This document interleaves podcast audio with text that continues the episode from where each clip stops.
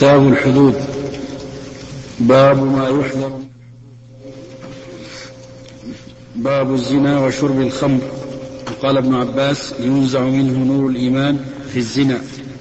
نسأل الله العافية. حدثنا يحيى بن أولا الحدود لها عدة تعريف. الحدود هي ما, حد ما حدده الشرع من الواجبات والمحرمات والعقوبات وغيرها. المهم أنه شيء له حد. فالحدود من من الواجبات يقال فيها لا تعتدوها. تلك حدود الله فلا تعتدوها. ومن المحرمات يقال لا تقربوها. وأما الحدود العقوبات فإنها فإنه يقال في تعريفها كل عقوبة مقدرة شرعا في معصية لتمنع من الوقوع فيها وتكفر عن صاحبها. وقولنا لتمنع هذا تعليل أي بيان الحكمة من الحدود. وإلا فالتعليل ينتهي عند قولنا كل عقوبة مقدرة كل عقوبة مقدرة شرعا في معصية. لكن الحكمة من الحدود أن تمنع من من العودة إليها. وتبدع صاحبه وتمنع غيره أيضا. وهي أيضا تكفير لصاحبها لا يجمع عليه بين عقوبتين. إلا في قطاع الطريق. فإن الله تعالى قال إنما جزاء الذين يحاربون الله ورسوله ويسعون في الأرض فسادا أن يقتلوا أو يصب أو يصلبوا أو تقطع أيديهم وأرجلهم من خلاف أو ينفوا من الأرض ذلك لهم خزي في الدنيا ولهم في الآخرة عذاب عظيم. إلا الذين تابوا. إذا الحدود ها تعريفها؟ عقوبات مقدرة شرعا في معصية. وقولنا في معصية يعني لا تكون في في ترك الواجب. لا تكون في ترك الواجب. لأن ترك الواجب يعزر عليه ويؤدب عليه حتى يفعله. ما له نهاية. فلو ضربنا شخصا عشرة أصوات ليصلي مع الجماعة ولم يصلي ماذا نعمل؟ نضربه مرة أخرى وثالثة ورابعة حتى يصلي. لكن المحرمات إذا فعلها ضربناه مرة واحدة فقط. وقوله ما يحذر من الحدود أي ما يحذر من مما يوجب الحد. فالحدود الثانية يظهر أن المراد بها المحرمات. وما يحذر وما يحذر من المحرمات. أو من أسباب الحدود أي من أسباب العقوبات. نعم. ثم قال باب لا يشرب الخمر. الخمر مر علينا في تعريفه أنه ما خامر العقل أي غطاه على سبيل اللذة والطرب. فقولنا على سبيل اللذة والطرب خرج به البنج والبنزين وما أشبه ذلك وما يذكر من مما يشفط الآن فيه فيه بويه يقول أنه تشفط وإذا شفط الإنسان أغمي عليه. هذا ليس بسكر ولا يسمى خمر. لماذا؟ لأنه لا تحصل به لذة ولا طرب. يحصل فيه ما يسمى بالدوخة يدوخ الإنسان ويفقد وعيه لكنه ليس على وجه اللذة والطرب. الخمر يجد رحمك الله يجد الشارب والعياذ بالله نفسه في أبهة كبيرة وعظمة وتعالي على الناس ويقول الشاعر فيها نشربها فتتركنا ملوكا. وحمزة بن عبد المطلب رضي الله عنه لما جاءه النبي عليه الصلاة والسلام وقد ثمن يعني سكر وكلمه في ناضحي علي بن أبي طالب لأن علي بن أبي طالب له ناضحان مرا بحمزة وهو سكران تغنيه جارية فأخذ السيف وبقر بطونهما وأكل من أكبادهما.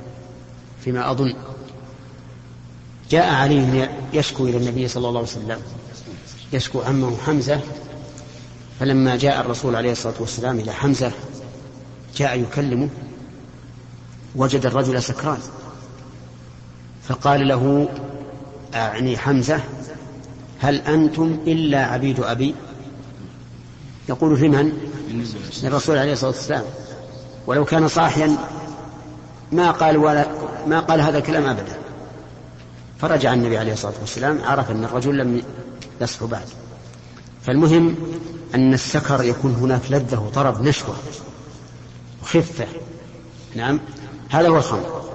أما ما عدا ذلك مما يذهب العقل فإنه ليس بخمر. نعم.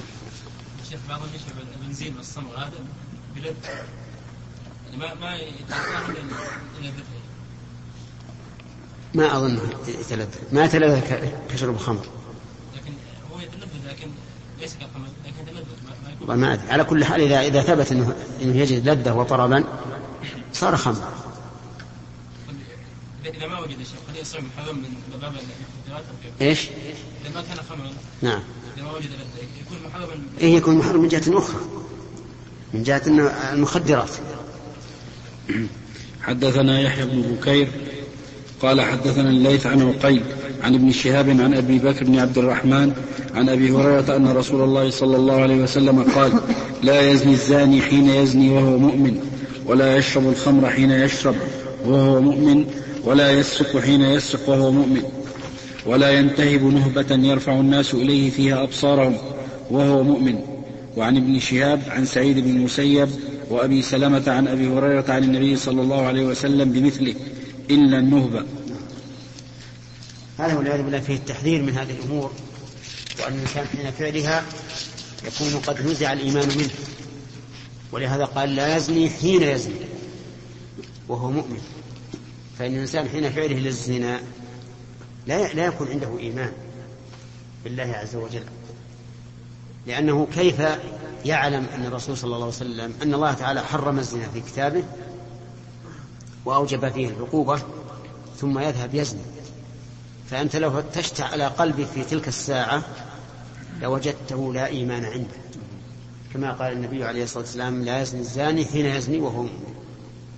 لكنه لا يرتفع عنه الإيمان كاملا لأنه إذا ذهبت عنه نشوة الشهوة فسوف يعود يؤوب إلى رشده ويعرف أنه أخطأ.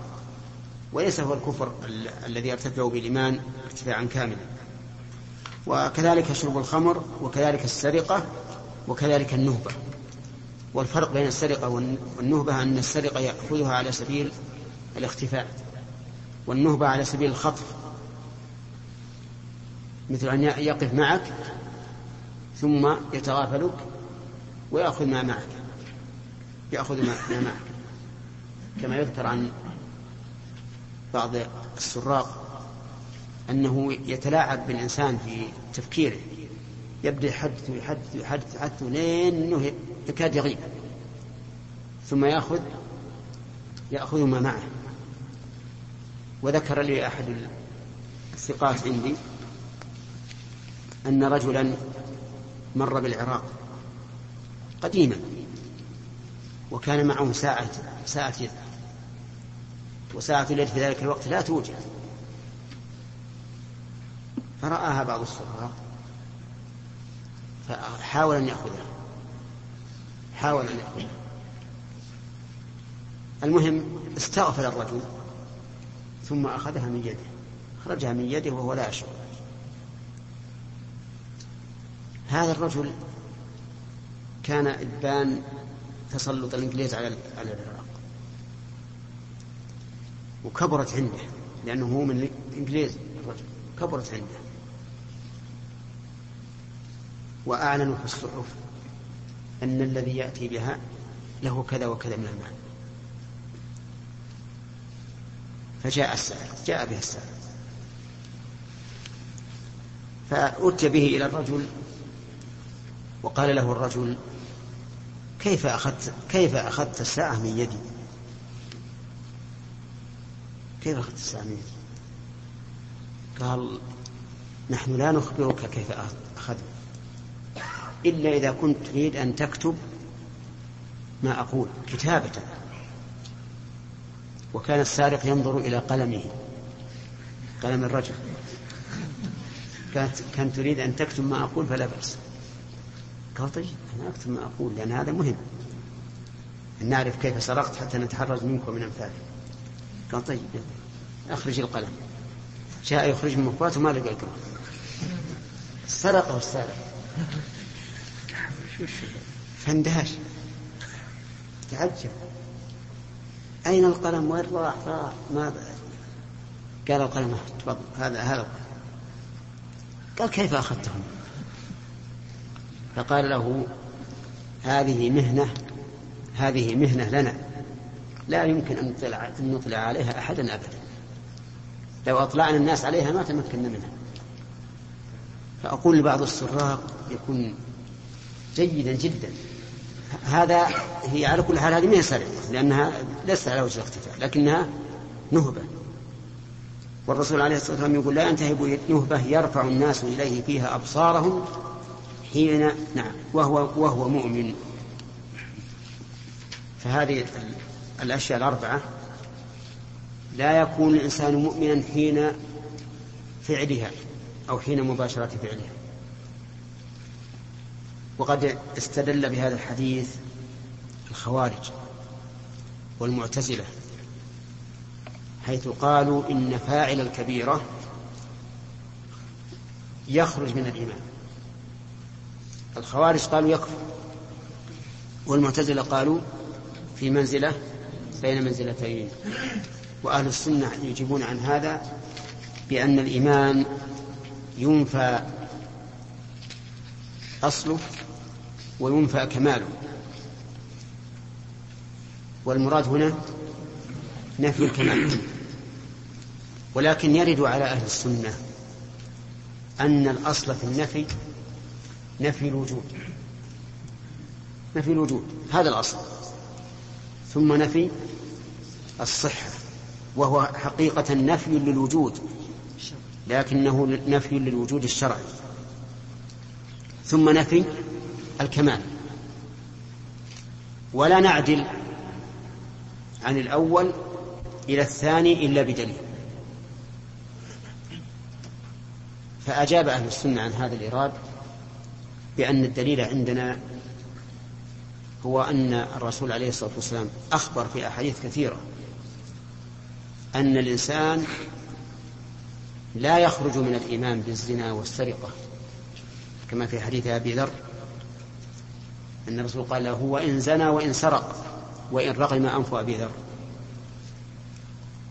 وبهذا يكون الصحيح ما ذهب إليه أهل السنة من أن فاعل الكبيرة لا يخرج من الإيمان بل هو مؤمن ناقص الإيمان أو نقول مؤمن بإيمانه فاسق بكبيرته. الحمد لله رب العالمين وصلى الله وسلم على نبينا محمد. قال البخاري رحمه الله تعالى باب ما جاء في ضرب شارب الخمر. حدثنا حفص بن عمر قال حدثنا هشام عن قتادة عن أنس أن النبي صلى الله عليه وسلم وحدثنا آدم قال حدثنا شعبة قال حدثنا قتادة عن أنس بن مالك رضي الله عنه أن النبي صلى الله عليه وسلم ضرب في الخمر بالجريد والنعال. وجلد أبو بكر أربعين. بسم الله الرحمن الرحيم. باب ما جاء في ضرب شارب الخمر. كأن البخاري رحمه الله لم يجزم بأن عقوبة شارب الخمر حد. وهذه المسألة اختلف فيها العلماء. فمنهم من قال إن عقوبة شارب الخمر حد أربعين جلدة. بلا زيادة. ومنهم من قال ثمانين جلدة بلا نقص. ومنهم من قال لا تعلق يعني. ربما يكون موجود عندك في الشرح. ومنهم من قال آه، ما بين الأربعين والثمانين إلى اجتهاد الإمام ولا يزاد على أربعين ولا ينقص عن أربعين ولا يزاد على ثمانين. فهذه أقوال ثلاثة. أقوال ثلاثة. ما هي؟ أربعون ثمانون. ما بينهما راجع للإمام لكن لا ينقص عن أربعين ولا يزيد على ثمانين.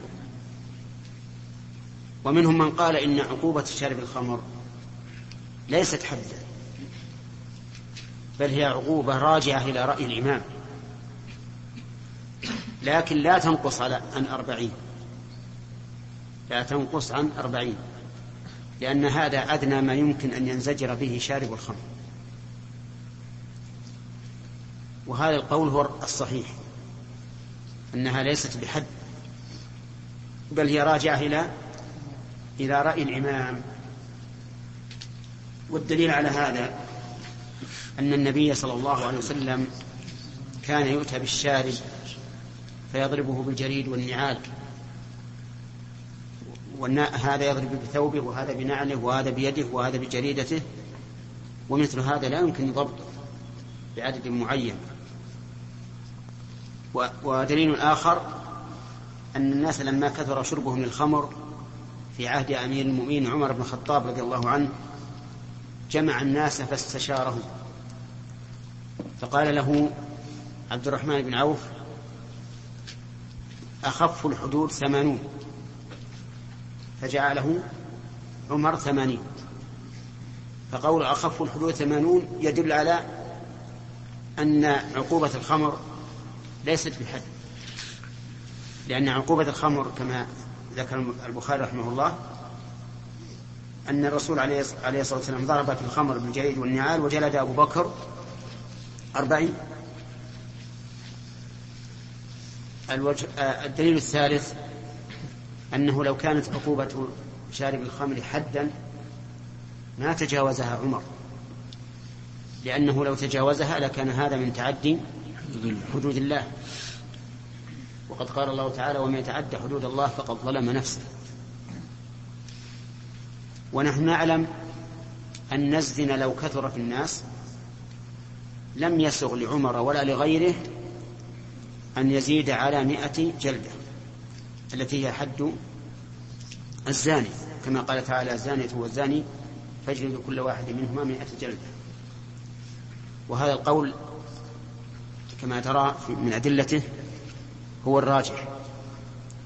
فإذا رأى ولي الأمر أن يجعلها تسعين أو مئة أو أكثر فله ذلك.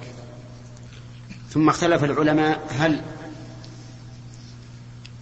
يجلد الشارب هذا الجلد ولو تكرر مئة مرة أو أنه إذا تكرر ثلاثا قتل في الرابعة على ثلاثة أقوال.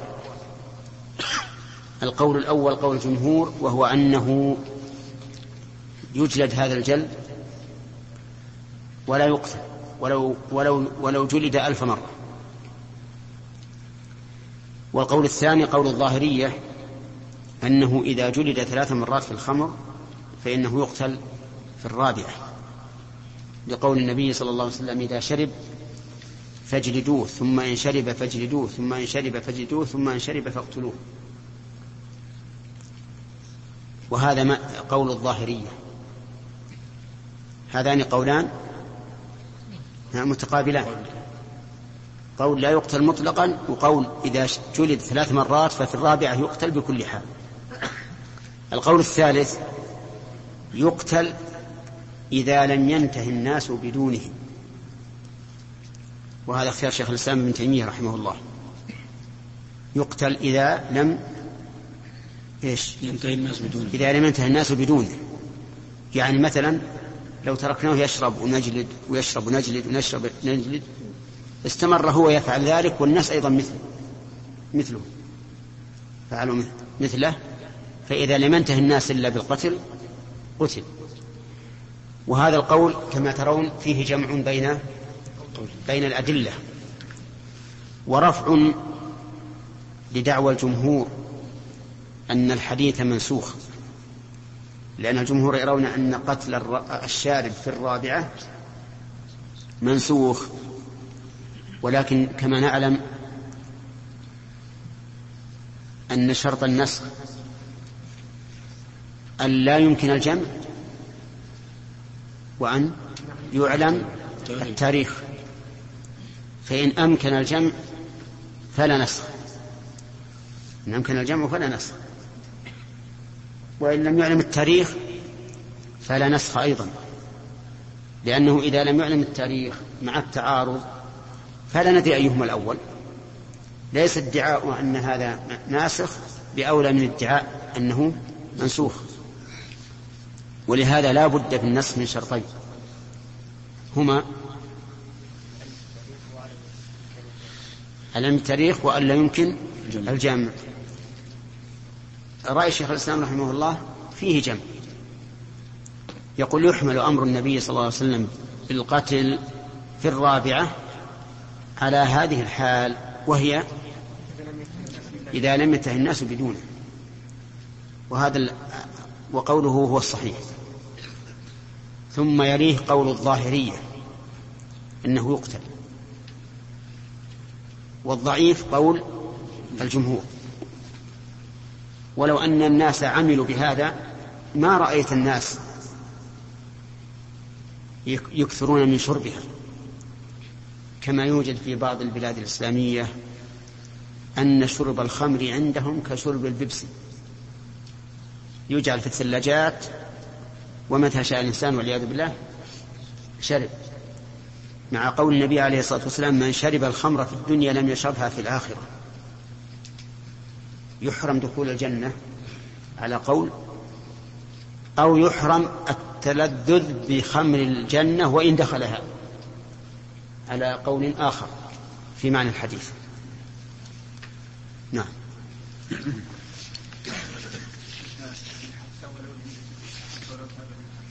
لا لا لو تاب منها فإن الله يقول إن الله يغفر الذنوب جميعا طيب خالد أمس ذهب أقول لو نازع وهو أنه لو أن عقوبة الخمر لو كانت حدا ما تجاوزها عمر. نعم. أقول أحسن الله لو قال قائل الطلاق من الحدود. إيش؟ الطلاق من الحدود. نعم. ولما عمر ولما رأى عمر الناس تتايعوا في الطلاق أوقع الثلاث عليهم ثلاثا. لا لا مو من الحدود. طلاق. طلاق حكم وضعي مو بحل عقوبة. هو وليس عقوبة لكنه من الحدود. كما قال الله عز وجل لما قال الطلاق مرتان قال تلك حدود الله. اي طلاق يعني معناها إنه لا بد أن أن تعتد العدة المشروعة ولا بد أن تبقى في في مكان الزوج. أما أما فعل عمر فهو يقول إن الناس هم الذين اختاروا لأنفسهم هذا لأن المطلقة ثلاثا وش قصده؟ وش قصده؟ البينونة. فيقول ما دام تعجلوا في أمر لهم فيه أنات وهو حرام نلزمهم به. وبخلاف عقوبة شارب الخمر عقوبة شارب الخمر واجبة. نعم. ميدي معلوم أن المنطوق مقدم على المفهوم. نعم. والظاهر يأخذ بالمنطوق شيخ الإسلام أخذ بالمفهوم. لماذا لا؟ ما أخذ بالمفهوم. شيخ الإسلام أخذ بالمنطوق لكن حمله على حال من الأحوال. له دليل. إي نعم هذا لاجل لاجل يمكن الجمع بينه وبين الأدلة الأخرى الدالة على أن حد على أن الشارب يحد أو يعاقب بالضرب. نعم. باب من أمر بضرب الحد في البيت. حدثنا قتيبة قال حدثنا عبد الوهاب عن أيوب عن ابن أبي مليكة عن عقبة بن الحارث قال جيء بالنعيمان أو بابن النعيمان شاربا فأمر النبي صلى الله عليه وسلم من كان بالبيت أن يضربوه قال فضربوه فكنت أنا في من ضربه. بالنعال. نعم. هنا واضح ان إن حد الخمر أو عقوبة الخمر لا يشترط أن تكون في ملأ من الناس أو في الأسواق. لو ضرب في في البيت أو في المحكمة يرحمك الله أو في مكان الهيئة فلا بأس. إلا إذا رأى ولي الأمر أن المصلحة أن يضرب في الأسواق علنا فهنا تتعين المصلحة. وهذا الحديث ظاهره مشكل ظاهره مشكل. وهو أن الرسول صلى الله عليه وسلم أمر بضربه مع احتمال أن يكون جاهلا بالحكم. والمعروف أنه لا حد ولا تعزير إلا على عالم بالحكم. وذلك لأن الجاهل مرفوع عنه الإثم والعقوبة. ربنا لا تؤاخذنا إن نسينا أو أخطأنا. فيقال لعل النبي صلى الله عليه وسلم علم حال هذا الرجل وأنه عالم بالحكم وأن الخمر حرام.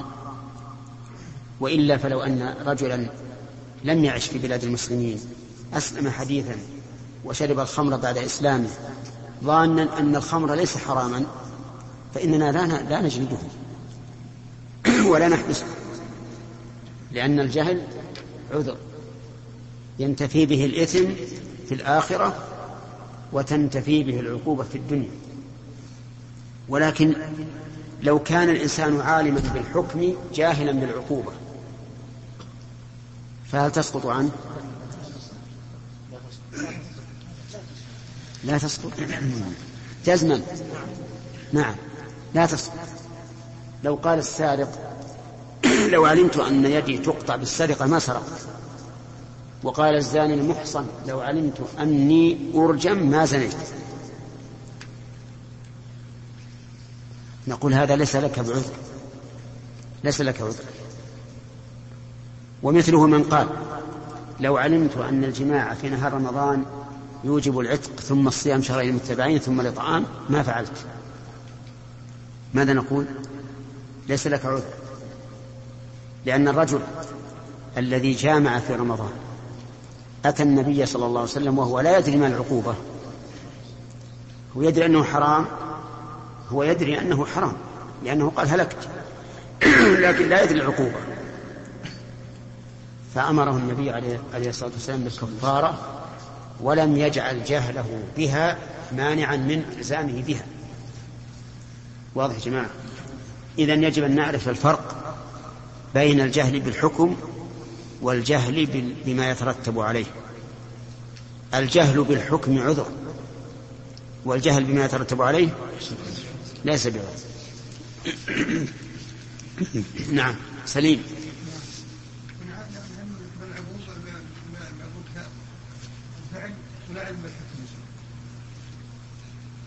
يعني مثل بالنسبة للتصور هو بلغها العقوبه ولا بلغها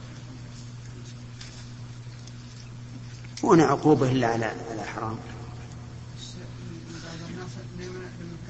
يسمع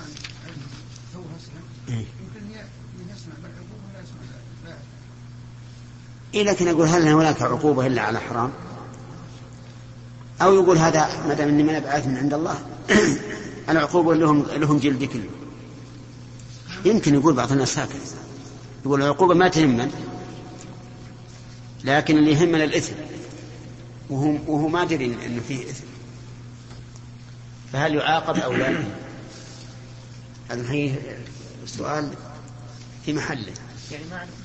يعني يقول أنا أظن هذا الفعل حرام. أنا عارف أنه يعاقب عليه ويضرب الإنسان لكن ما أعرف هل هو حرام ولا حلال. وش تقولون؟ ها؟ يعذر ولا لا؟ يتأملوها تأملوها إلا إلا إلا لها قادمة ها؟ الشيخ ما إذا علم بالعقوبة علم هو هو صحيح هو إذا علم العقوبة قال لا عقوبة إلا على حرام. لكن قد يقول إن, إن العقوبة يؤدب الإنسان هذا الإنسان يؤدب ولده إلى أخلاق في مروءة مثلا. قد يقول إنه يؤدب من أجل الإخلال بالمروءة ما هو من أجل حرام يمكن هذا ولا لا؟ أنت الآن مثلا تأمر ولدك بشيء وخالف تضربه مع أنه مو حرام عليه. على كل حال هذه تحتاج إلى تأمل تأملوها. وفي ظني أنه سيكون فيها للعلماء قولان. نعم؟ أي نعم.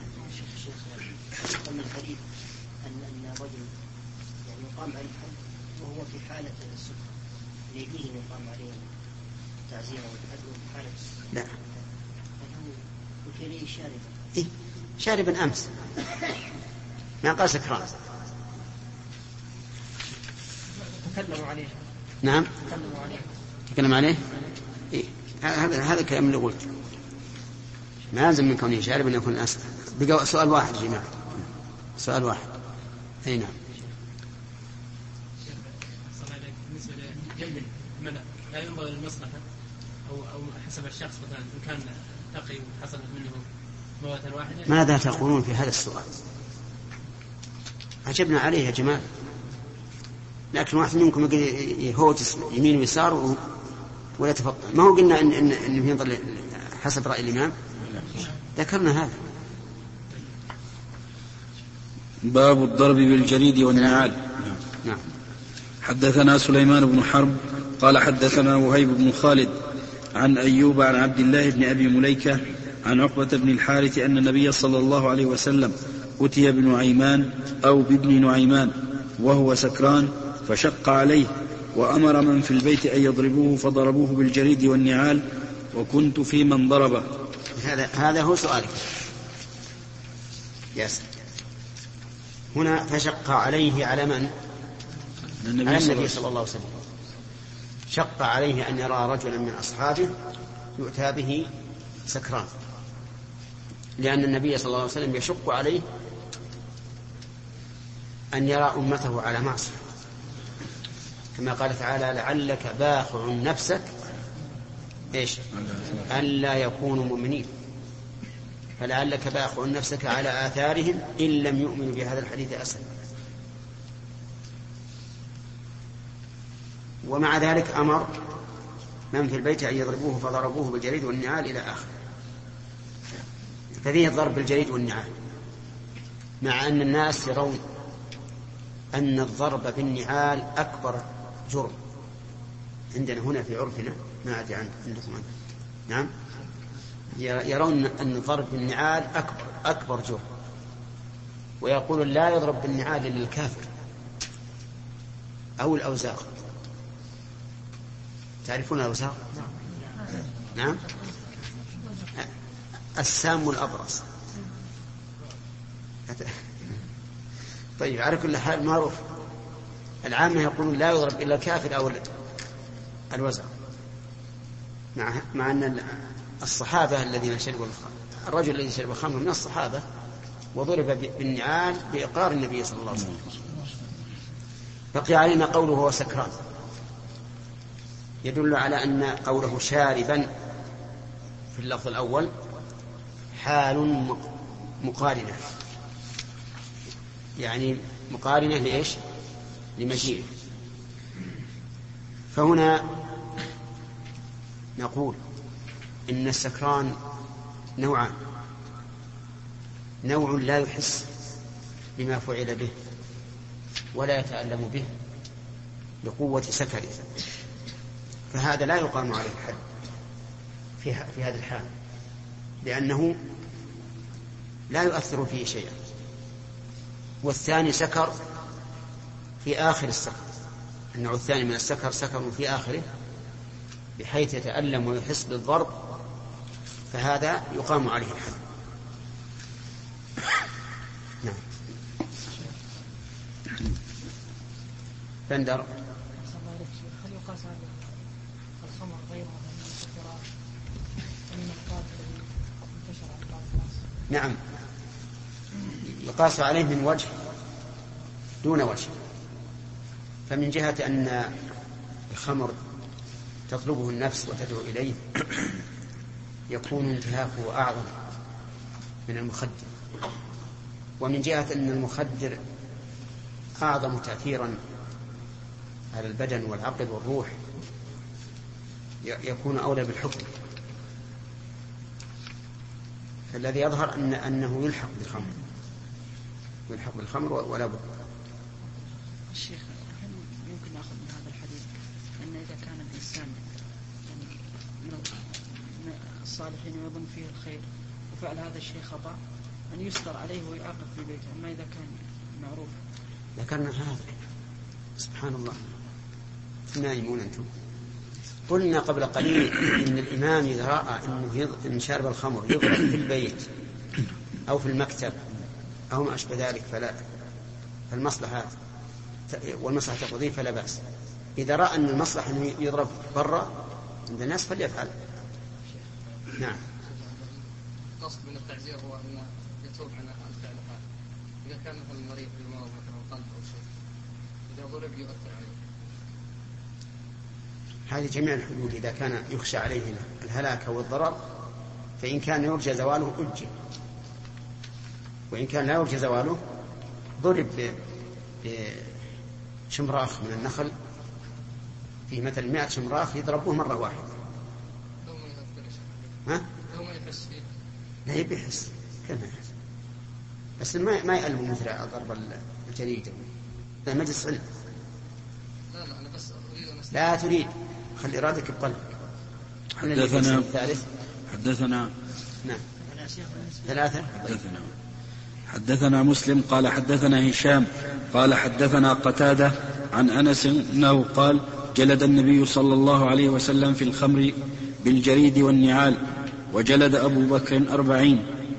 حدثنا قتيبة قال حدثنا أبو ضمرة أنس عن يزيد بن الهاد عن محمد بن إبراهيم عن أبي سلمة عن أبي هريرة رضي الله عنه أنه قال أتي النبي صلى الله عليه وسلم برجل قد شرب. قال اضربوه. قال أبو هريرة رضي الله عنه فمنا الضارب بيده والضارب بنعله والضارب بثوبه. فلما انصرف قال بعض القوم أخزاك الله. قال لا تقولوا هكذا. لا تعينوا عليه الشيطان. هذه ثلاثة ثلاثة ثلاثة أشياء. والرابع سبق. ما هو؟ الجريد الجريد والنعال وطرف الثوب واليد. وقال اضربوه ولم يحدد. وهذا دليل يك- يكاد يكون كالصريح في أن شارب الخمر ليست عقوبته حدا. وفي هذا دليل على أن على أن من فعل معصية. لا ينبغي أن يدعى عليه بما يزيدها.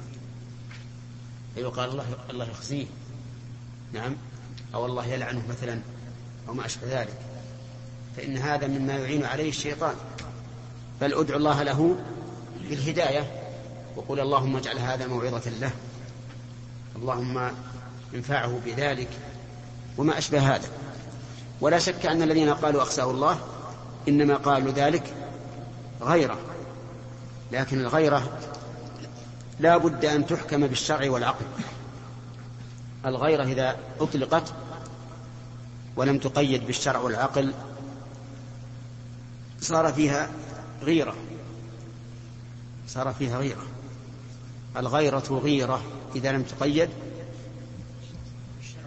بالشرع والعقل. هنا الغيرة ما تعرفونها؟ هنا تغير. الغيرة التغير. وهي تطلق عندنا على التخمة. أتعرفون التخمة؟ والله ما بقي تعرفون شيء أبدا. التخمة معناها لا هي السنة. التخمة أن يأكل الإنسان كثيرا حتى يتخن وتتغير معدته. وإذا تجشى يخرج منه رائحة كريهة. هذه التخمة. وقد صرح شيخ الإسلام رحمه الله بأنه يحرم عليه الأكل إذا خاف أذى أو تخمة. إذا خاف أذى أو تخمة فإنه يحرم عليه الأكل. إي نعم. الأذى معناه أنه يملأ بطنه حتى لا يكاد يشيل نعم. والتخمة معروف التغير نعم الزيادة عن حد من غير جنس لأن يزاد عليه السجن أو توبيخ جائز ما في بأس. لأن المقصود بهذا التحقق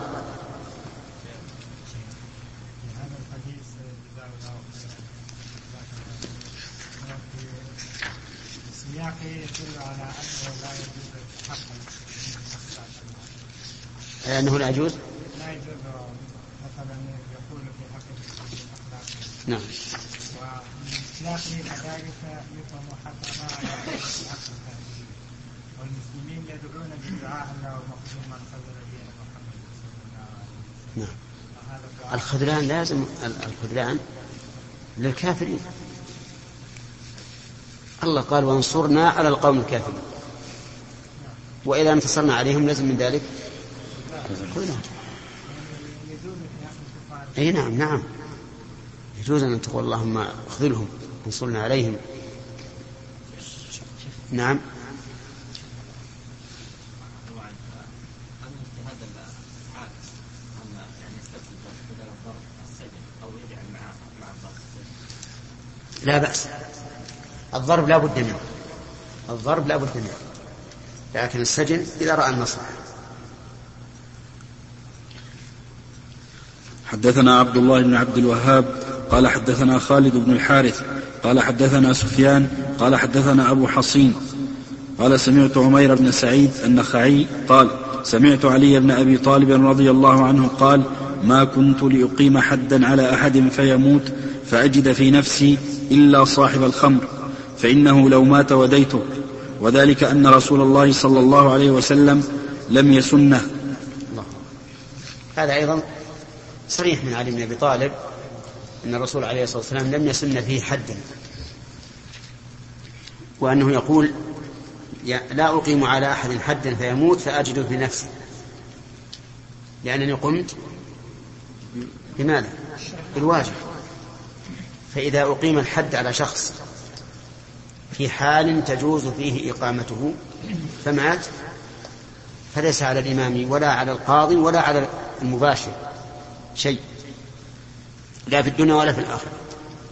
قال إلا شارب الخمر فإنه لو مات لوديت وديت يعني أديت ديته وذلك لأن النبي صلى الله عليه وسلم لم يسنه يعني فيخشى أن يكون قد زاد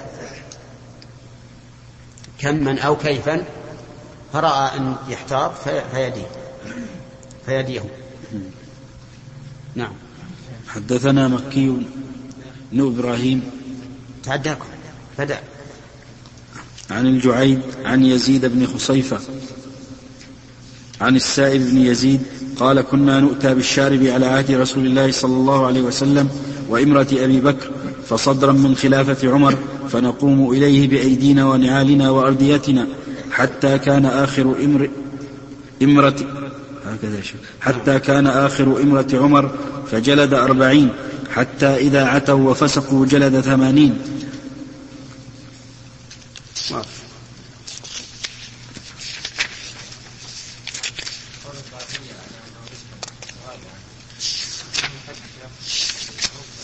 لا حد يعني يجب وجوب.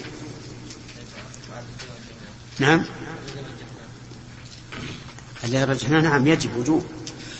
إذا لم ينتهي الناس بدونه نعم. سلامة. نعم.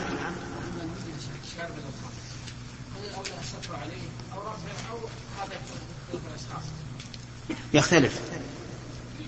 نعم. يضرب مع ظهره. مع ظهره مع عضده مع فخذه. في غير المقاتل. الوجه والمقاتل يجب اتقاؤه. اتقاؤها باب ما يكره من لعن شارب الخمر وأنه ليس بخارج من الملة. حدثنا يحيى بن بكير قال حدثني الليث قال حدثني خالد بن يزيد عن سعيد بن أبي هلال عن زيد بن أسلم عن أبيه عن عمر بن الخطاب أن رجلا كان على عهد النبي صلى الله عليه وسلم كان اسمه عبد الله. وكان يلقب حمارا وكان يضحك رسول الله صلى الله عليه وسلم وكان النبي صلى الله عليه وسلم قد جلده في الشراب فأتي به يوما فأمر به فجلد فقال رجل من القوم اللهم العنه ما أكثر ما يؤتى به فقال النبي صلى الله عليه وسلم لا تلعنوه فوالله ما علمت أنه يحب الله ورسوله.